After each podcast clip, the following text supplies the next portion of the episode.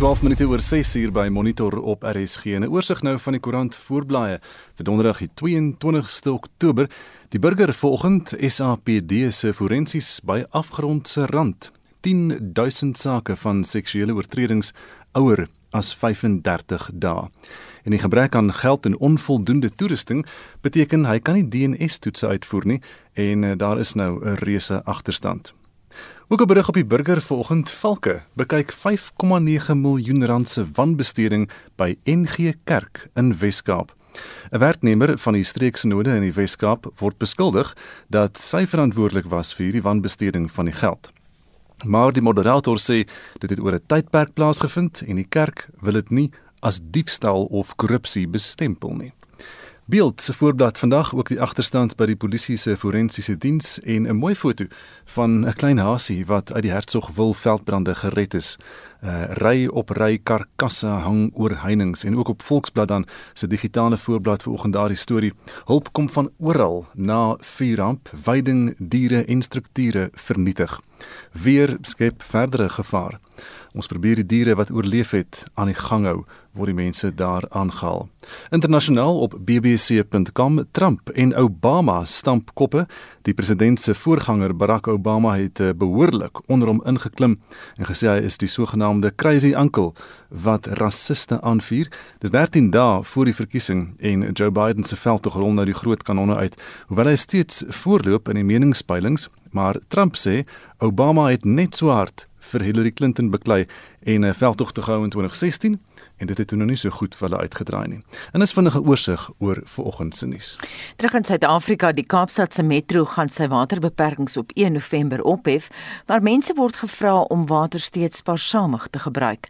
Maar daar is gebiede in die land waar dit steeds baie droog is. Ons wil vanoggend weet, hoe lyk jou omstandighede? Beleef jy nog waterbeperkings of as jy 'n boer is, so droog is dit by jou en hoe beïnvloed dit jou? Ons hoor graag van jou.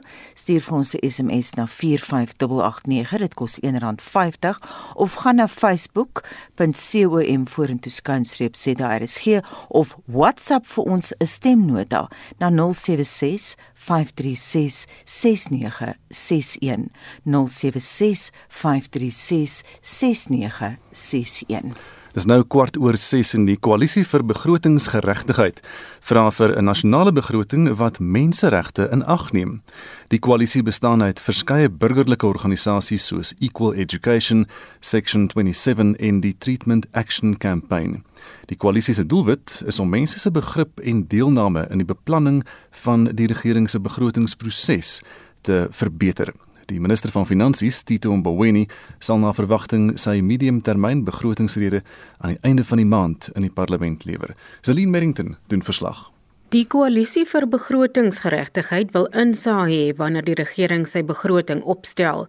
Hulle wil hê alle besluite moet menseregte in ag neem sodat die stem van gewone burgers gereflekteer word in die begroting. 'n Lid van die koalisie, Bosi Sibeko, verduidelik hoekom menseregte die besluite van die begroting moet beïnvloed.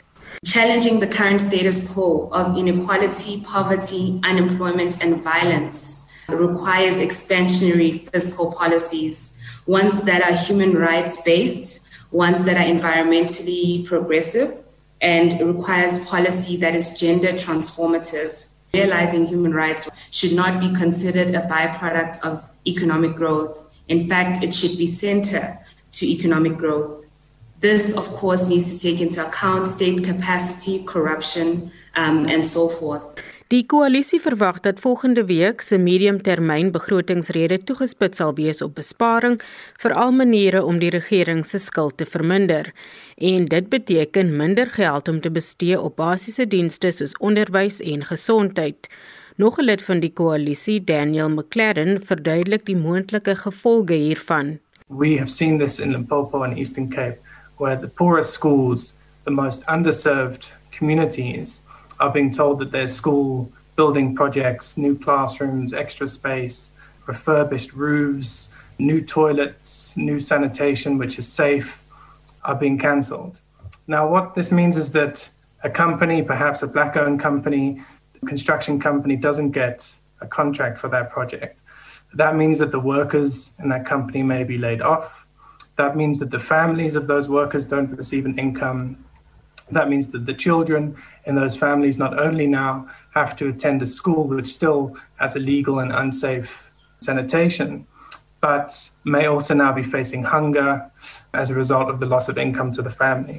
And this results in poorer learning, and this results in intergenerational poverty, which reinforces all of the inequalities which already exist in our society. Sebeko verduidelik dat 'n menseregte begroting sal fokus op 'n groen ekonomie, kwessies van geestesgesondheid en meer permanente maatskaplike toelaas. In terms of social security, our goal in a human rights budget is for a universal basic income for all. And in fact, in this document, we advocate for the extension of the, the caregiver grants as well as the other grants that were increased earlier for the immediate run. But our vision for human rights budget is that there's a universal basic income for all. And in fact, this develops into a living wage in the future. In terms of the right to food, we know that many people are precarious right now, and it is critical that government begin to think about how to implement. In fact, social grants, as I've already mentioned, are very helpful in a way to address the right to food. We believe this is critical and that government must deal with this, and that's what a human rights budget must do. Dit was 'n lid van die koalisie vir begrotingsgeregtigheid, Boesie Sibeko, Zelin Merrington, Parlement. Die nuut herstelde noodeenheid by die Swartland Hospitaal op Malmesbury in die Wes-Kaap is heropen nadat dit 3 jaar gelede in 'n brand beskadig is. Die sale, 'n teater en pasiënte se mediese rekords is vernietig wat gesondheidsorg in die streek ernstig benadeel het. Herstelwerk het in 2018 begin. Tanya Krause doen verslag. Die brand het in 'n mediese saal uitgebreek en vinnig versprei. Sowat 70% van die gebou is vernietig en 76 pasiënte is ontruim. Hulle is na 'n nabygeleë kerksaal geneem met sommige wat net so in 'n hospitaalbeddens gestoot is. Van die pasiënte is ontslaan en ander is na naburige hospitale oorgeplaas. Die Wes-Kaapse minister van gesondheid, Dr. Noma French Mbombo, Everything was burnt, uh, almost all the ward, the pediatric wards, maternity, um, the x-ray session, the theaters, most, most of it, actually the whole of the EC. It took us then up to now that um, now all the five projects that we could be able to deliver, but the most important one is this EC, now that will be functional. Die voormalige hospitaalbestuurder Dr Barry Smith sê die hospitaal vervul 'n belangrike rol in die Maamsbury omgewing as gevolg van die feit dat ons 'n gemeenskap moes diens wat gesondheidsdienste nodig gehad het van omtrent 140 000 mense, moes ons maniere vind om pasiënte op 'n ander manier te kon help aangesien hierdie infrastruktuur heeltemal vernietig was. Ons moes alternatiewe plekke opstel en dit het ontsettende samewerking tussen verskeie rolspelers geverg met die gemeenskap met ander departemente. So as ek terugkyk is dit vir my die ding wat die meeste uitstaan, daardie samewerking wat beteken het dat ons kon aangaan met dienste vir hierdie gemeenskap. Die kliniese bestuurder Dr Joshua Brownridge sê wanneer al die herstelwerk voltooi is, sal die distriksvlak hospitaal 85 beddens hê, asook 'n nuwe COVID-saal. Op die oomblik ons ehm um, lewer die volgende dienste vir die vir die gemeenskap. Ons het soos 'n noodsentrum, ehm um, ons het volwassene sale en 'n pediatriese saal. Ehm um, en ons het begin met soos 'n basiese ehm um, obstetric uh, dienste vir die vir die pasiënte. Chirurgiese prosedures sal hervat sodra die teater binne die volgende paar maande heropen. Intussen sê dokter Mbombo dat die provinsie op 'n hoë gereedheidsgrondslag bly vir COVID-19 gebeure waar die virus vinnig kan versprei. Sy het saakondernemings en individue aangemoedig om nie al voorkomende maatreëls te verslap nie. Hierdie verslag is saamgestel deur Vanessa Puna in Malmesbury. Ek is Tanya Krause op George.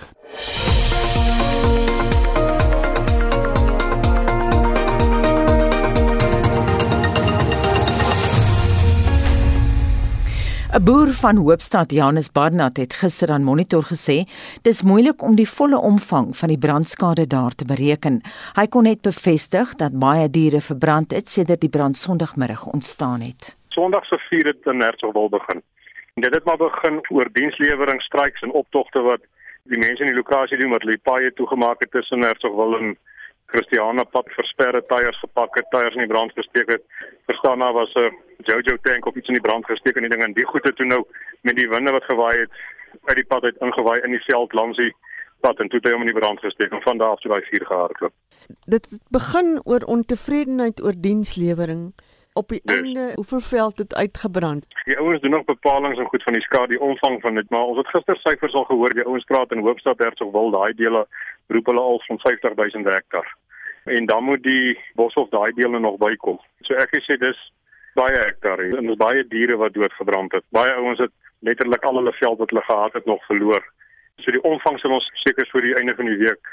Ouens doen maar nog opnames wat rondry en kyk waar lewe nog goed en wat kan gered word en maar dis enorme klomp wat gebrand het.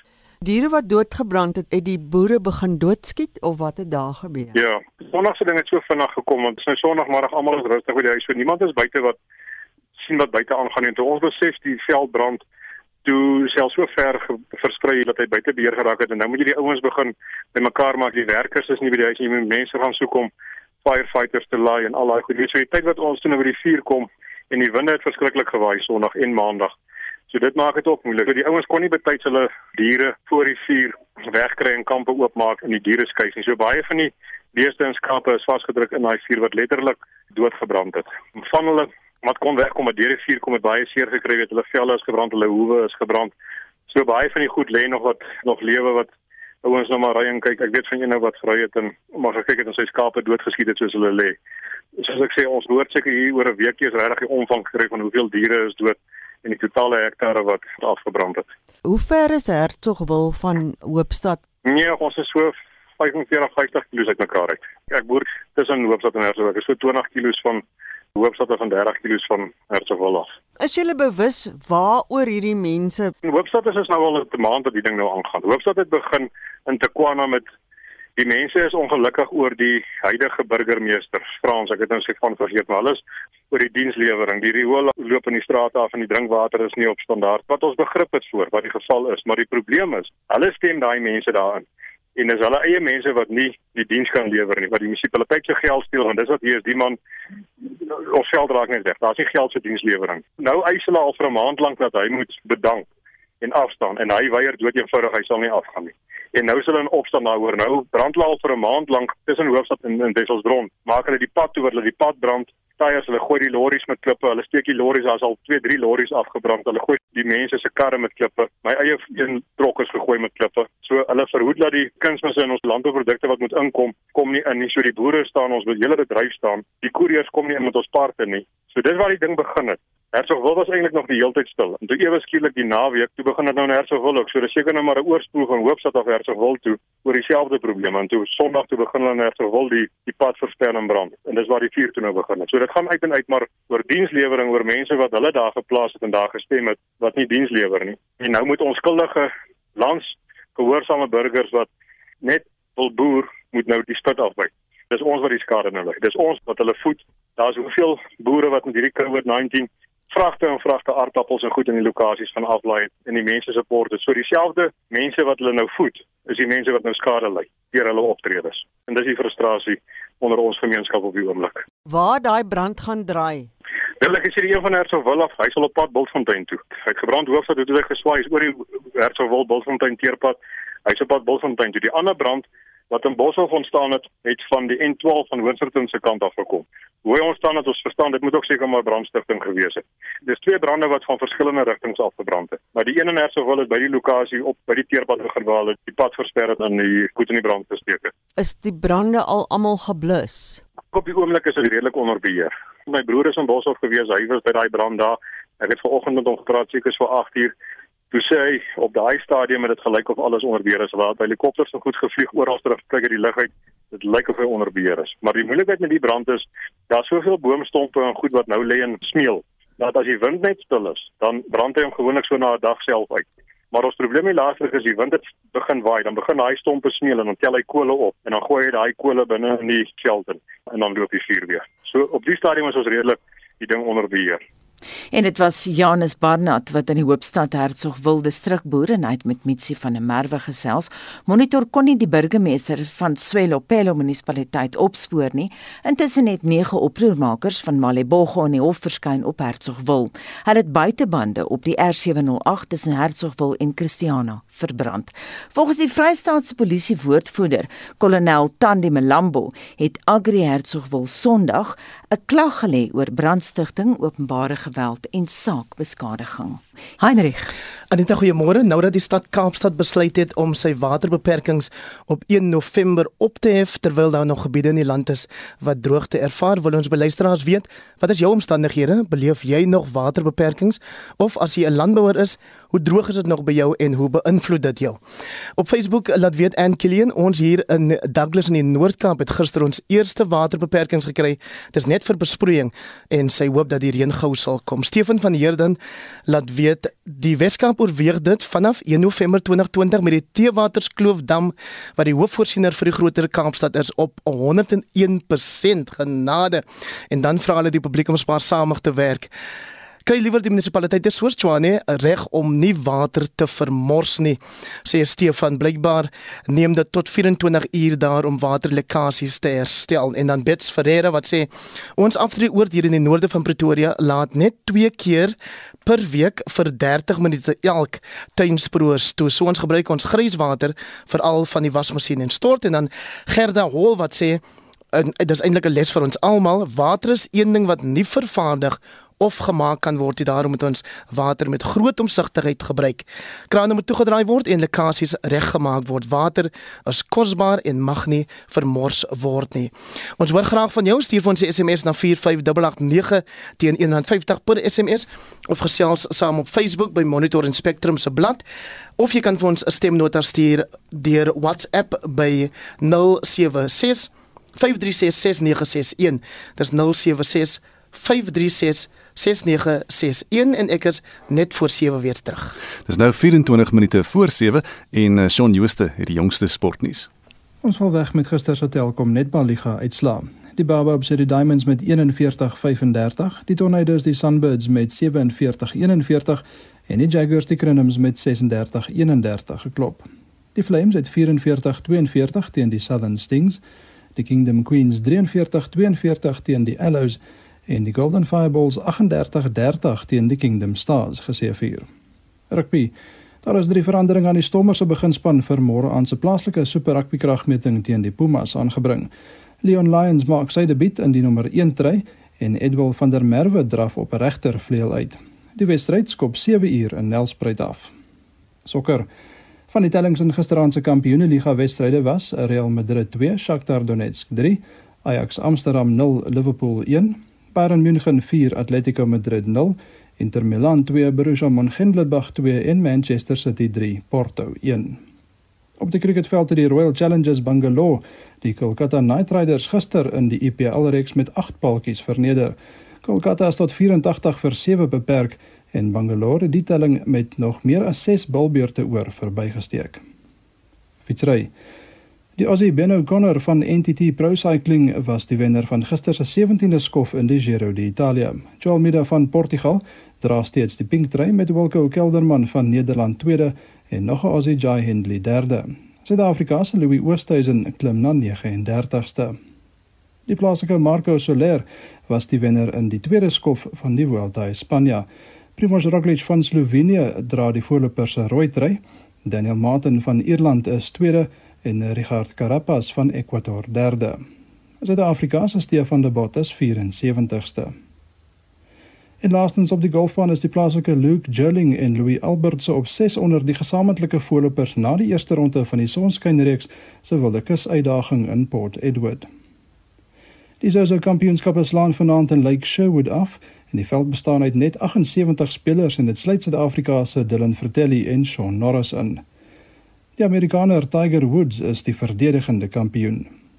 Die ses Suid-Afrikaners wat aan die Italiaanse Ope gaan deelneem, is Dean Burmester, Louis De Jager, Bryce Easton, Wilco Ninaber, JC Ritchie en Justin Walters.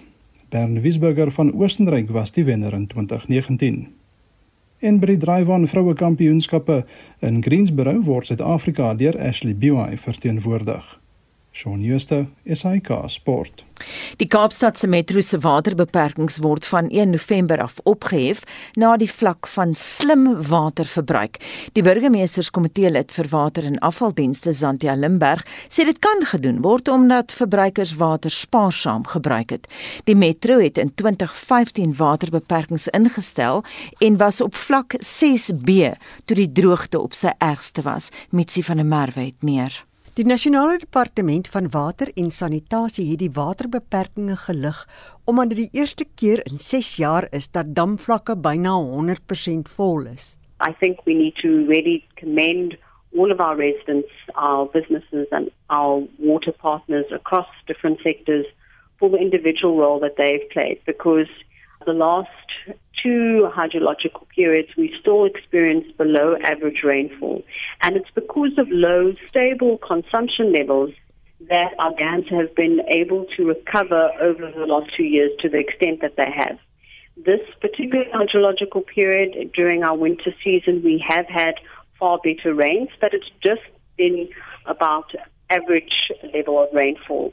Die metro sal aanhou om te belê in alternatiewe waterbronne. Because the drought has showed us that we can't be solely reliant on rainfall. A significant portion of the makeup of the tariff will also be going towards implementing our water strategy and all of the different water augmentation schemes as outlined in that strategy. Waterbeperkings word jaarliks heroorweeg deur die stuurkomitee van die waterverskaffers in die Wes-Kaap en die Nasionale Departement van Water en Sanitasie. Die basis van die besluit is op voorspellingsmodelle vir die volgende hidrologiese jaar gegrond wat op 1 November begin.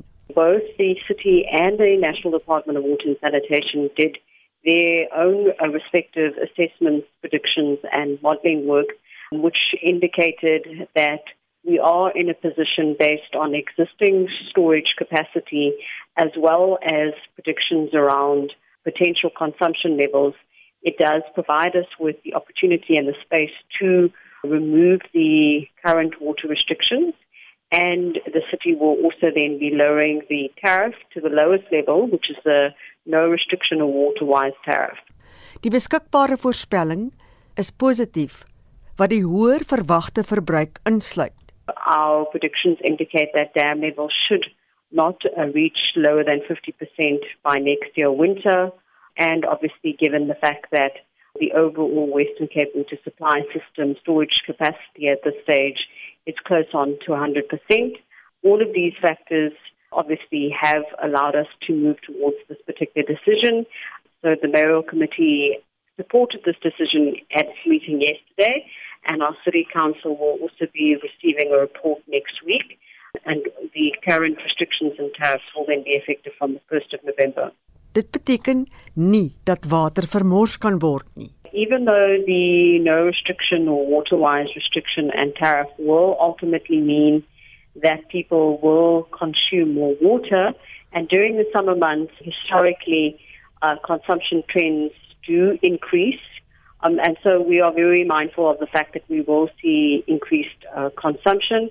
But the water-wise uh, or no restriction tariff still requires a water conscious approach in our daily use of water.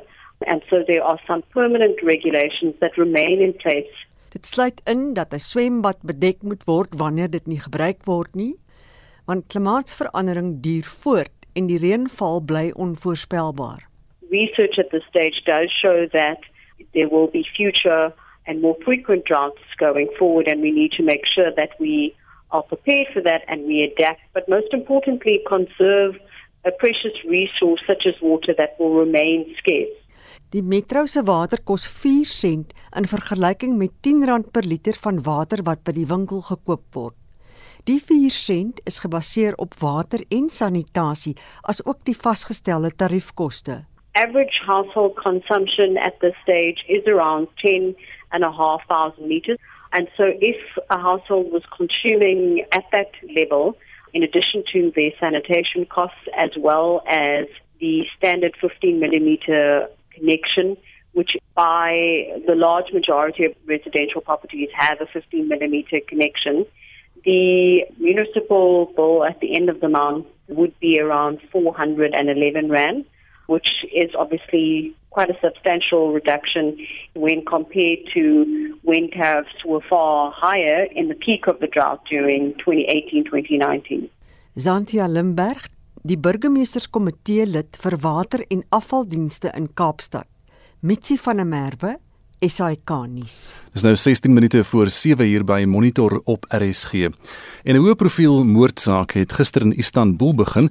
Die fokus daar is op die menseregte aktivis en prokureur Tahir Elçi wat 5 jaar gelede in die suidoostelike Turkse stad Diyarbakir doodgeskiet is tydens 'n media-konferensie om protes aan te teken teen die polisie en weermag se geweld. Human Rights Watch het gister vanuit Istanbul aan Anita die agtergrond van die saak geskets. This is a trial of a human rights defender, a very prominent human rights lawyer from the Kurdish southeast, who was killed five years ago. And it's taken five years of efforts by his family, lawyers, and the human rights movement to press for justice. Aan die woord is Human Rights Watch se hoof in Istanbul, Emerson Claire Webb. Die hofsaak wat gister in die stad begin het, fokus op een man, Tahir Elchi. Elchi was a very principled lawyer who worked on the defense of human rights for many years, for decades, and was very opposed to the spiraling violence that was happening in the southeast back in 2015 between the Turkish military and police and the armed PKK, which was starting up actions in inner city areas. Die fout wat Elchi gemaak het was om 'n media-konferensie in die stad Diyarbakir te hou waar tydens hy sy kommer oor die geweld tussen die Koerde aan die een kant en die polisie en weermag aan die ander kant aan die groot klok te hang.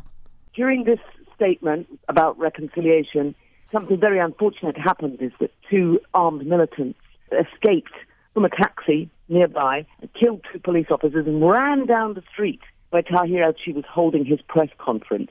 And the police who were monitoring the press conference began shooting. And they began shooting wildly in all directions. And in the process of this, Tahir Elchi was killed. Die ondersoek na die skuldiges oor die afgelope 5 jaar was tekenend van 'n verdoeseling van die ware feite, sê Emma Sinclair Webb. Basically, the police were not questioned as possible suspects. Their guns weren't checked. The bullet that shot Tahir Elchi wasn't found. So there were lots of problems in the investigation over five years. The prosecutor kept changing. Five years on, we finally get to a moment of having a first trial hearing with three police on trial. Maar die vraag is, kan Tahir Elchi se familie verwag dat reg sal geskied gegee die aanloop tot die verhoor en die omstandighede tans in Turkye? There's an entrenched culture of impunity in Turkey. When it comes to police violence, torture, or abuses by security forces, in general in Turkey, we see no justice. We see uh, lots of efforts with delays, with charging the wrong people, many, many obstructions to justice. And now we're just hoping that this trial doesn't end in the same way. But there are some worrying signs already. One of the PKK members who was involved in the earlier incident I mentioned of the two police officers being killed has actually been charged with the murder of Tahir Elchi as well as the police officers. And this is very worrying because he was not, that individual was not in a position to have shot Elchi. So we are concerned that this PKK member who's being tried in absentia may be the person who gets convicted. Sal die PKK dan opgeoffer word sodat die Turkse polisie skotvry daarvan kan afkom? En dit was dan Human Rights Watch se verteenwoordiger in Istanbul, Emma Sinclair Webb en Anita het daardie onderhoud met haar gevoer en ons bly in Istanbul nou. Monitor het ook professor Dirk Coetzee van Unisa se departement van politieke wetenskap eh, gevra vir sy kommentaar op die sensitiewe hofsaak. Dit is een van vele gevalle in Turkye van waar veral persone wat by menseregte en die bevordering van menseregte betrokke is wat hulle of vermoor is of verdwyn het of vir baie lank periodes in die tronk is voordat hulle werklik verhoor word. So dit is 'n aaneenlopende proses wat plaasvind. Dieselfde geld met joernaliste. Turkye is een van die lande met die meeste joernaliste wat in aanhouding is, wie se koerante net deur regeringsinstellings oorgeneem is. So dit is 'n tendens wat nou vir 'n lang tyd in Turkye bestaan. Turkye word jaarliks in die Europese Hof vir Menseregte die jaarverslag uitgesonder as 'n land in Europese konteks wat spesifiek ernstige probleme met menseregte het. So ek dink dit pas in 'n groot mate in daardie prentjie en is dis nie 'n uitstaande geval nie, maar eerder nou 'n geval wat 'n lang pad kom en wat miskien nou in 'n rigting gaan beweeg. Want dit is 'n baie hoë profiel saak. Ja, dit is, maar dit is nie die enigste of die mees prominente een nie. Daar is verskeie sake wat reeds plaasgevind het en waarin persone wat lank gelede vermoor is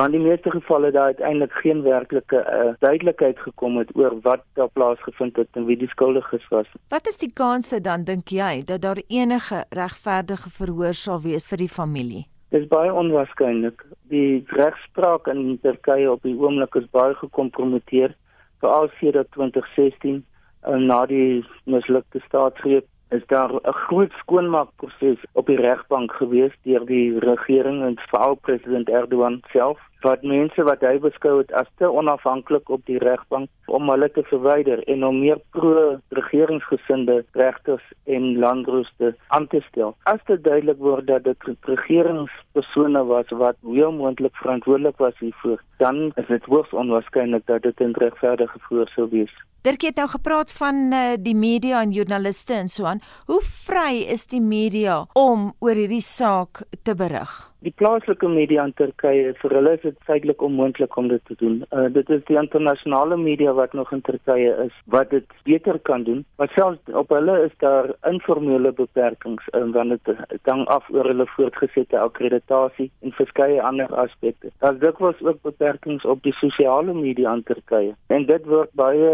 noukeurig gemonitor deur die Turkse regering wat wel daar plaasvind. As dit kom by die media in die algemeen, is hulle vryhede op die oomblik die ruimte wat hulle kan gebruik besonder baie beperk.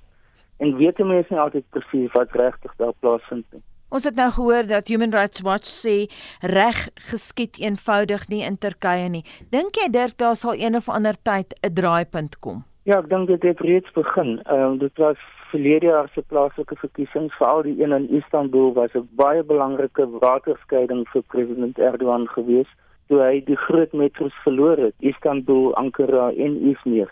Wat ons nou sien is dat daar uh, nou verlede week eintlik of die begin van hierdie week is gerapporteer dat daar sprake is van 'n blitsverkiesing wat eintlik oor 3 jaar moet plaasvind die nasionale verkiesing en dat uh, president Erdogan dit probeer vermy. Maar wat ons sien is dat die regerende party, die AK-party, besig is om in kleiner partytjies te versplinter. Van hulle mees leidende figure nou het hulle eie partye gevorm. Nou ten minste 3 van hulle wat relatief lewensvatbaar kan wees in enige verkiesing wat nou vorentoe gaan plaasvind. Dit dan uh, professor Dirk Coetzee van Unisa se departement politieke wetenskap en Anita het daardie onderhoud met hom gevoer. En van Istanbul na Pretoria, die leier van die Enlightened Christian Gatherings Kerk, Shepherd Bushiri, sy vrou Mary en 'n mede-beskuldigde, Landiwe Ntlokwana, het nog 'n aand agter tralies deurgebring. Hulle aansoek om borgtog in die Pretoria se Landdroshof is nie gister aangehoor nie. Die drie is Dinsdag in hegtenis geneem op aanklagte van bedrog en geldwasery en die oortreding van die wet op die voorkoming van georganiseerde misdaad. Lila Magnus het meer. Die eerste hofverskyning van die ECG-leier Shepard Bushiri, sy vrou Mary en hul mede-beskuldigde Landiwe Ntlokwana het nie oor borgtog gehandel nie, maar eerder oor of die staat mag vra dat die saak uitgestel mag word vir verdere ondersoek of nie. Die staatsanklaer wat nie haar naam vir die media wou gee nie, het aan die hof gesê omstandighede het die polisie gedwing om Bushiri en sy mede-beskuldigdes in hegtenis te neem voordat hulle 100% reg was. Bushiri en sy mede-beskuldigdes is deel van 'n groter saak en die polisie het inligting ontvang dat een van die ander beskuldigdes wou vlug en daarom is almal toe in hegtenis geneem. Die staatsanklaer het aan die hof gesê die ondersoekspan het tyd nodig om adresse na te gaan en familiebande te ondersoek om te bepaal of die Bushiri egpaar 'n vlugrisiko is. Sy het bygevoeg dit is nie ongewoon vir die staat om vir uitstel te vra by 'n eerste verskyning nie en dat 'n formele borgtog aansoek later gedoen kan word. Bushiri en sy mede-beskuldigde se advokaat, Anneleen van den Heever, het egter gesê die polisie ondersoek die saak al meer as 'n jaar en 'n mens sou verwag al die feite is al geverifieer teen die tyd. Sy het aan die hof gesê die Bashiri egpaar was bewus van die ondersoek teen hulle dat hulle reeds op 100 000 rand borgtog elk uit is op 'n ander saak van bedrog teen hulle en dat hulle steeds nie gevlug het nie. Van den Neever het aangevoer al drie die verdagtes het sterk familiebande in Suid-Afrika en bygevoeg die Bushiri egpaar het permanente woonreg. Hulle is oorspronklik van Malawi. In Bashiri se beëdigde verklaring wat in die hof voorgeles is, sê hy hy verstaan nie die aanklagte teen hom nie en hy beplan om skuld te ontken. Van den Heever het aan die hof gesê die Bashiri egpaar is die geestelike leiers van die kerk van meer as 2 miljoen lidmate en dat dit weet sal wees om die lidmate van hul leiding te ontneem. En Klokwana as 'n onafhanklike finansiële konsultant en het by die kerk gewerk. Terens Baloy, die woordvoerder van die kerk, sê hulle glo die staat en polisie is bevooroordeel teen Bashiri. The intention is clearly not to seek justice. The intention is clearly not to make sure that justice prevail at the end of the day. I can assure you the prophet and the prophetess are innocent creatures of God. Whatever they are so charged with uh, are charges which are baseless, cannot stand any test of any court proceedings. Uh, I can assure you, I will feel that this is nothing but a personal vendetta. Verskeie ondersteuners van Bashiri, wat hulle ook onder meer Papa en Major One noem, het vir ure in die son by die hof gestaan om hom te ondersteun. He's a true man of God. I've seen him work. I have seen him change. Miracle and miracles happening in this church is unbelievable. But I can tell you, this man is a sincere, honest man. Jesus Christ himself, he was crucified. He was innocent. Major One is still innocent. Today here I am. I was born by the witch in my side, by, by the witch in my side to, to be a pastor. Today I'm a pastor. Bushiri, sy vrou en Klokwana is 'n dag na villa in Zetu, Modolo in hegtenis geneem. Die Modolo egpaar was glo saam met Bushiri in besigheid. Hulle formele abortog aansoek vind 30 Oktober plaas. Die nasionale vervolgingsgesag het nie besonderhede van die jongste bewering teen Bushiri bekend gemaak nie, maar die aanklagte hou glo verband met 'n skema waar Bushiri na bewering sy lidmate aangemoedig het om geld in 'n beleggingsskema te belê wat hulle tot 50% opbrengs binne 30 dae sou gee. Die minimum beleggingsbedrag was glo 100 000 rand. Die saak is môre weer in die hof. Ek is Lila Magnus vir SAIK nuus in Pretoria. Die WWF Netbank Groentrust gaan kleinboere en handelaars in die informele kosbedryf help om by been te kom na die pandemie. Die sektore het tot stilstand gekom met die inperkingstyd. Die senior bestuurder van die volhoubare landbouprogramme by WWF Suid-Afrika, Mkhululi Silandela, sê die byna 2 miljoen kleinboere in Suid-Afrika sal hulp kry met die befondsing van verskeie organisasies om ook volhoubare landboupraktyke te vestig. Mitsi van der Merwe doen verslag.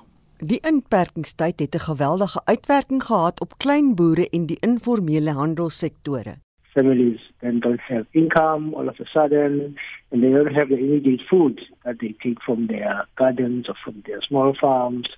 So uh, huge problems health-wise and food security-wise. From the government perspective, we thought an immediate reaction would be to use one of our funds to help these smallholder farmers to bring about improve the resilience to these kind of shocks and stresses. Maar hoe gaan hulle dit doen? So one project, for example, is up in Housebridge in the Kruger. It's working to ensure that food gardens at eight schools are actually capacitated so that they can grow food. As you know, that some communities and some kids depend on the food that comes from the school gardens. Arm gebiede in die Oos-Kaap sal ook baat. In Matatiele, which is an impoverished town where there is a problem of water supply, and there we supported development of water resources from the water springs that were not accessible. And we funded those communities so that they can develop those trees so they have, can have water access. They can harvest water, they can wash their hands so that they are clean, required during COVID, but they can also have drinking water, which is essential for all of us. Die Seriti Instituut gaan kleinboere in kommunale gemeenskappe oplei. Die senior bestuurder van volhoubare landbouprogramme by WWF Suid-Afrika, Mkhululi Selandela sê die hulp sluit in die ontwikkeling van voedselveiligheidsriglyne sodat verbruikers vertroue in die produkte het. Mitsi van der Merwe, SAK nuus. Andre Gelyk jou terugvoer.